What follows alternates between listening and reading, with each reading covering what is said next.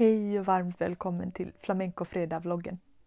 Idag ska vi få möta Javier Sanchez. Honom ska vi fråga om vad det är som är allra viktigast eh, med basens roll i flamencon. Likaså så är vi väldigt nyfikna på hur det går till när en basist väljer att doktorera i flamencobas. Ja, vi får se vart det samtalet för oss.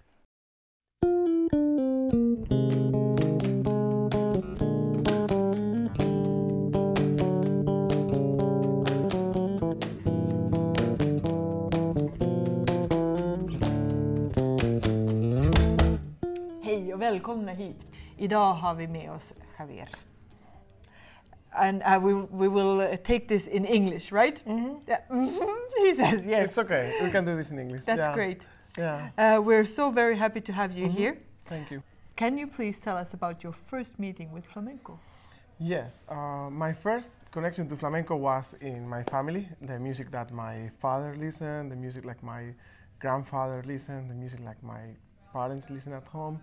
So I grew up listening to that music a Mm. lot in the records. My father was uh, sort of like melomaniac. He's like loving, music lover, but there were not musicians in the Mm. family, so we were always listening and always like uh, listening in the records. And I, I always felt very curious, Mm. but it was until I was 16 that I got as a, a job as a bass player. I was quite young with the bass. I, I was just playing for about two years, electric bass. And I got a job with uh, Israel Carmona, which has a band called Alhambra. And we play mostly rumbas. And he was from this Carmona family. They are like a clan of all, all of them very talented musicians. So I, I didn't have any idea actually what I was doing. But I, I learned a lot from that experience, and then after that, that kind of like uh, uh, awake my interest. So I start playing like rock, pop as a bass player in Madrid. Then I wanted to take my music studies more seriously, so I went to a jazz school. So I studied jazz and I wanted to play jazz, and uh, eventually I got a scholarship to go to United States to Berklee, and that changed everything quite a bit. So there, when I was preparing that, I, I think I was learning like flamenco bass, and I wanted to play it in the audition, and with that, I actually got the scholarship. So that was like the thing that I wanted to f- go farther with the flamenco bass. Wow. Uh, can Yeah. you, but can you tell me, bass and flamenco, it's, it's quite a new instrument for flamenco, isn't it? Yeah, it's Can you enlighten us? Yeah, ab- absolutely. It's a relatively new instrument. Although the um, first recordings with flamenco, probably the famous ones are made by Camarón around the 70s. Mm. But then, uh, in my opinion, Paco de Lucia's qui- quintet, that makes like, uh, they took it to a different level. And the album Castro Marín, uh, Carles Benavent recorded uh, the bass line of Monasterio de Sal. Mm. And the way they do it is like originally Paco de Lucia played his songs and then Carlos Benavent recorded the bass line afterwards. So it was like quite a experiment, I think. But uh, the way he, he borrowed techniques from the guitar and the way they both complement to each other, I think is, it was like, uh, after that, uh, the bass has been very much into flamenco, flamenco jazz, and um, yeah, it never reached the tablao, the bass, right? It's, of course, there are some exceptions, but it's not an instrument. If you compare to the cajon, they are both from the same time. They came to flamenco in the 70s, but the cajon stick to the to the flamenco sound mm, more, and maybe there was a need for that kind of percussion support for the dancer, I think. But the bass has this role in a larger ensemble, I think. Yes. And uh, I wrote one quote of uh, Carlos Benavent who said that the bass goes where the guitar cannot go. So the guitar, uh, it's when there is a bass playing, the guitar player, if he's working and interested on develop that, he can play in a different way Mm. than when you don't have bass. And that's interesting because, for example, you can play higher higher notes. You can play. You don't have to worry about the uh, chord so much. You can react rhythmically in a different way. So it's a little bit different dimension when you have a bass Mm. for the guitar player, and the sound can be more fully. Eso. Yeah, so I think that's maybe what interests me on, on the bass. How can I integrate it in an ensemble? Wow. We had a um, cajon player here before, and he was saying that he feels quite a freedom. Uh, Mm. Also, he's he's from uh, he's Scottish Swedish, uh, and he uh, w- we were speaking about this purism within flamenco and all of Mm. this, and he was saying that since it's a young instrument, he feels such a freedom to to also experiment a lot. Hmm. And uh, do, can you find a parallel? uh, Yeah, to that? absolutely, absolutely. I think the cajon and the bass had um developed in a similar way, a parallel, parallel in a parallel Yeah. way. I think, for example, in the cajon, you take many techniques from the congas, from Afro-Cuban music, like slap, different sounds. Nowadays, people play in the sides of the cajon, many things that Yes. are come from different styles. But um, but originally, it was played with a stick, with a baston. Yes, sir. So the bass uh, takes things from the guitar and also interact with the cajon and the percussion. So I think, in my opinion, when there is bass in an ensemble, it glues, it's a glue between the percussion and the guitar. Vale. Yeah, I think that's the function that the bass have in an ensemble, how to connect that rhythmic element with the harmonic element of the guitar. There is a little bit of a distance. Yes. So the bass actually goes with the cajon mm, much more than the guitar rhythmically because of course it's the um, percussion instrument bass is a rhythm section instrument. And then the harmony that the bass gives goes with the guitar. Mm. so i think when i'm playing i'm always have one eye on the guitar player and one eye on the cajon. And You're looking cross-eyed. yeah exactly like uh, i'm trying to get the rhythms from the cajon but following the, the guitar because the guitar is not gonna follow me it has to be that i follow the guitar i Mm. think. And well, of course with my band when i play my music I, it's different. I, I lead and i but when a guitar player is practicing and is playing in a small accompany they are used to lead and accompany the singer. They, they are not used to worry so much about the bass. So the bass needs to follow and needs to Mm. glue connect with the percussion. And that sounds much fully and richer that without the bass Definitely, but there is Mm. also about the dynamics of the volume of the different instruments because the bass Mm. it has a strong sound, but it's still it's um, it's somehow it's not minimalistic, but you need to sharpen your senses to hear it somehow. I, that's my uh, impression of of listening to the bass. You really have to go, Ooh, what is wow, you know. So it also I thi- find it find it gives such a great dynamic to the music picture or the Mm. soundscape. Yeah, many many people have a problem to hear the bass, but then when the bass is taken away, then they miss it. Mm. What's happening? This is sound, uh, something is missing. Then they, re- they realize that oh, actually, it's the bass. Mm. And um, yeah, I think what comes to the dynamics and the the bass has uh, different possibilities. I started playing electric bass. Mhm. Um, the electric bass is very powerful and very, very popular in rumba bands, in like playing rumba catalana or flamenco rumba. And that electric bass take a lot from the Cuban music. You know that Mm. kind of like uh, uh, Af- um, tropical uh, Afro-Cuban. But then I, I heard uh, the fretless bass of Carlos Benavent, and that I spent maybe like five years transcribing his music and learning and trying to get that sound. And that fretless bass actually was the step that took me to the double bass. Then I realized like the double bass has this like uh, acoustic sound that it really fit in the acoustic uh, element of flamenco. So nowadays I, I I think I'm fluent in both fretless bass and double bass, so I can play both. So I try to now explore what songs demands the fretless bass, what songs demands the double bass. But I like the acoustic uh, tone of the double bass. I think it's really cool. But then you cannot take that many things from the guitar. The thing with electric Ah. bass is because it's it's a bass guitar, so it's a guitar. Yeah. So it can take many things from the from the guitar. Actually, with the right hand, you can I- imitate and emulate a lot what the guitar player is doing. If you are thinking about the alzapua or like uh, playing with three fingers, Mm. like a guitar will do, you can do that a lot. but with the double bass, it's more It's- difficult. yeah. It's a different animal, and uh, It's an animal. yeah. Wow. And then actually the, the history of the double bass is interesting because it's actually it's more connected to the cello than, than the guitar, of course.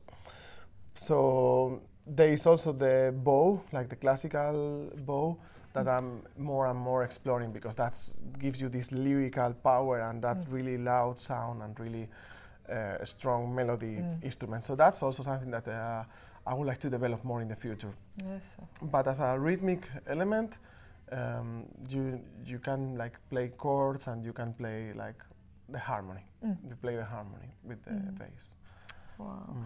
Well, speaking about the future as well, you are now uh, living in Helsinki in Finland and uh, studying at the Sibelius Academy since uh, since a while back, and now you Mm. like actually make a doctoral thesis in flamenco bass Exactly. in Finland in Sibelius Academy.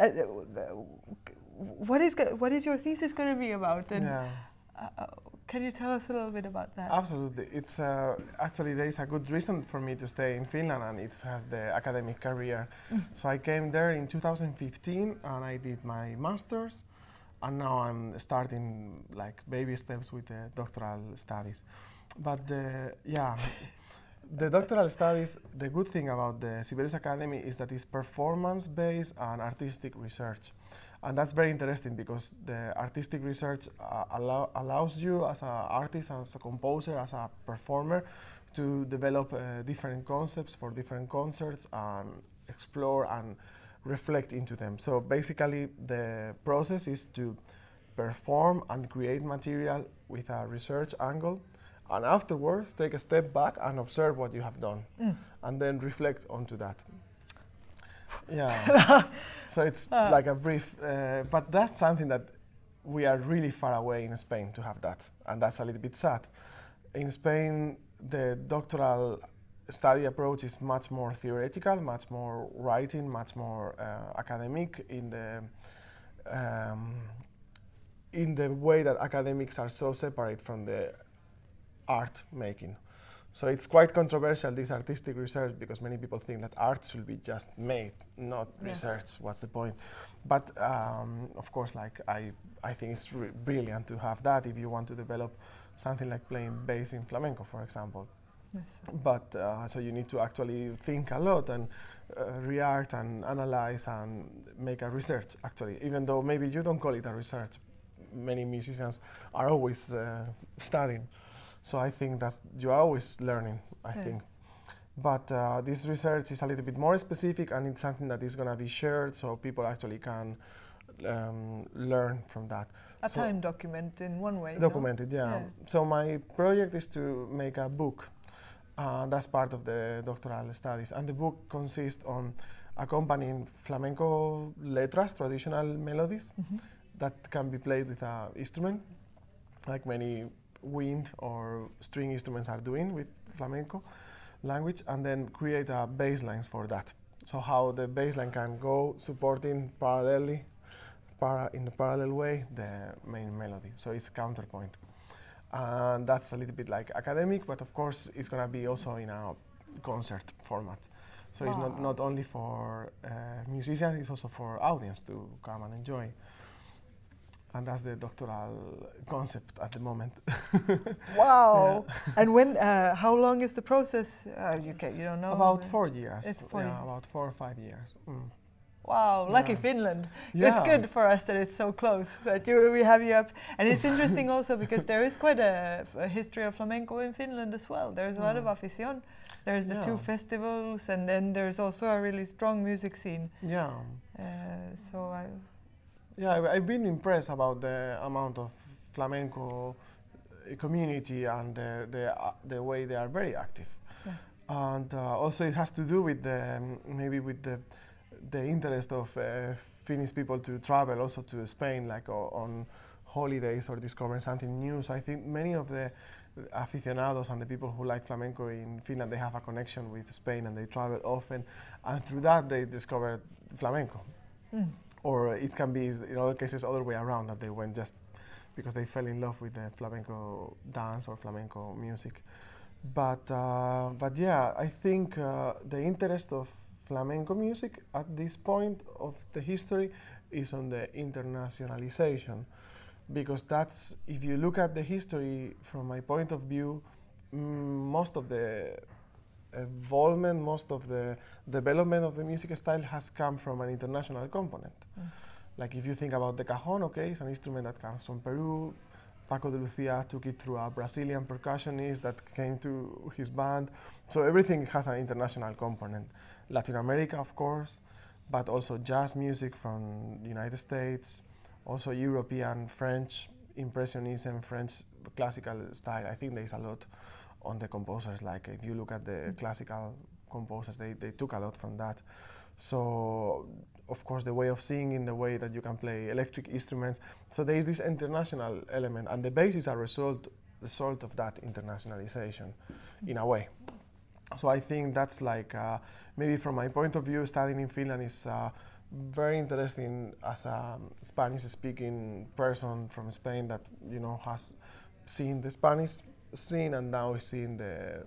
I, I was also in United States and and Europe, so I can see a little bit of what's going on and what's going on between jazz musicians, between classical musicians, between traditional musicians. So, so I think that's in that sense, Sibelius Academy it's great because it has a high standard in uh, classical and, and jazz and instrumental folk music performance. Wow, mm. what a journey! It will be really interesting to follow you uh, in this in this work. It's amazing, and. Uh, well, that this is the thing. Time always flies when when we have these uh, chats, and it's like you just want to hear more. So we will have to have a recheck in a mm. couple of years, of or, or, earlier. Let's see uh, mm. if we can uh, manage to follow this up. We will come back with the band. Oh yes, yes, that, definitely. This has been a great night tonight as well. It's, it mm. has been amazing. But as a last uh, last question, a last question, is what inspires you to do this?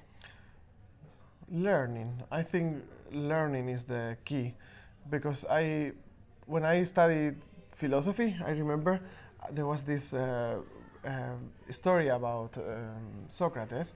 Or who was it that uh, he he was condemned to die with cicuta, this poison that they give ah. in Greece, so because of the government thing. Mm. So before he was going to die, he was learning a song with the flute. They mm. play all these flutes in, in Greece, and he wanted to learn.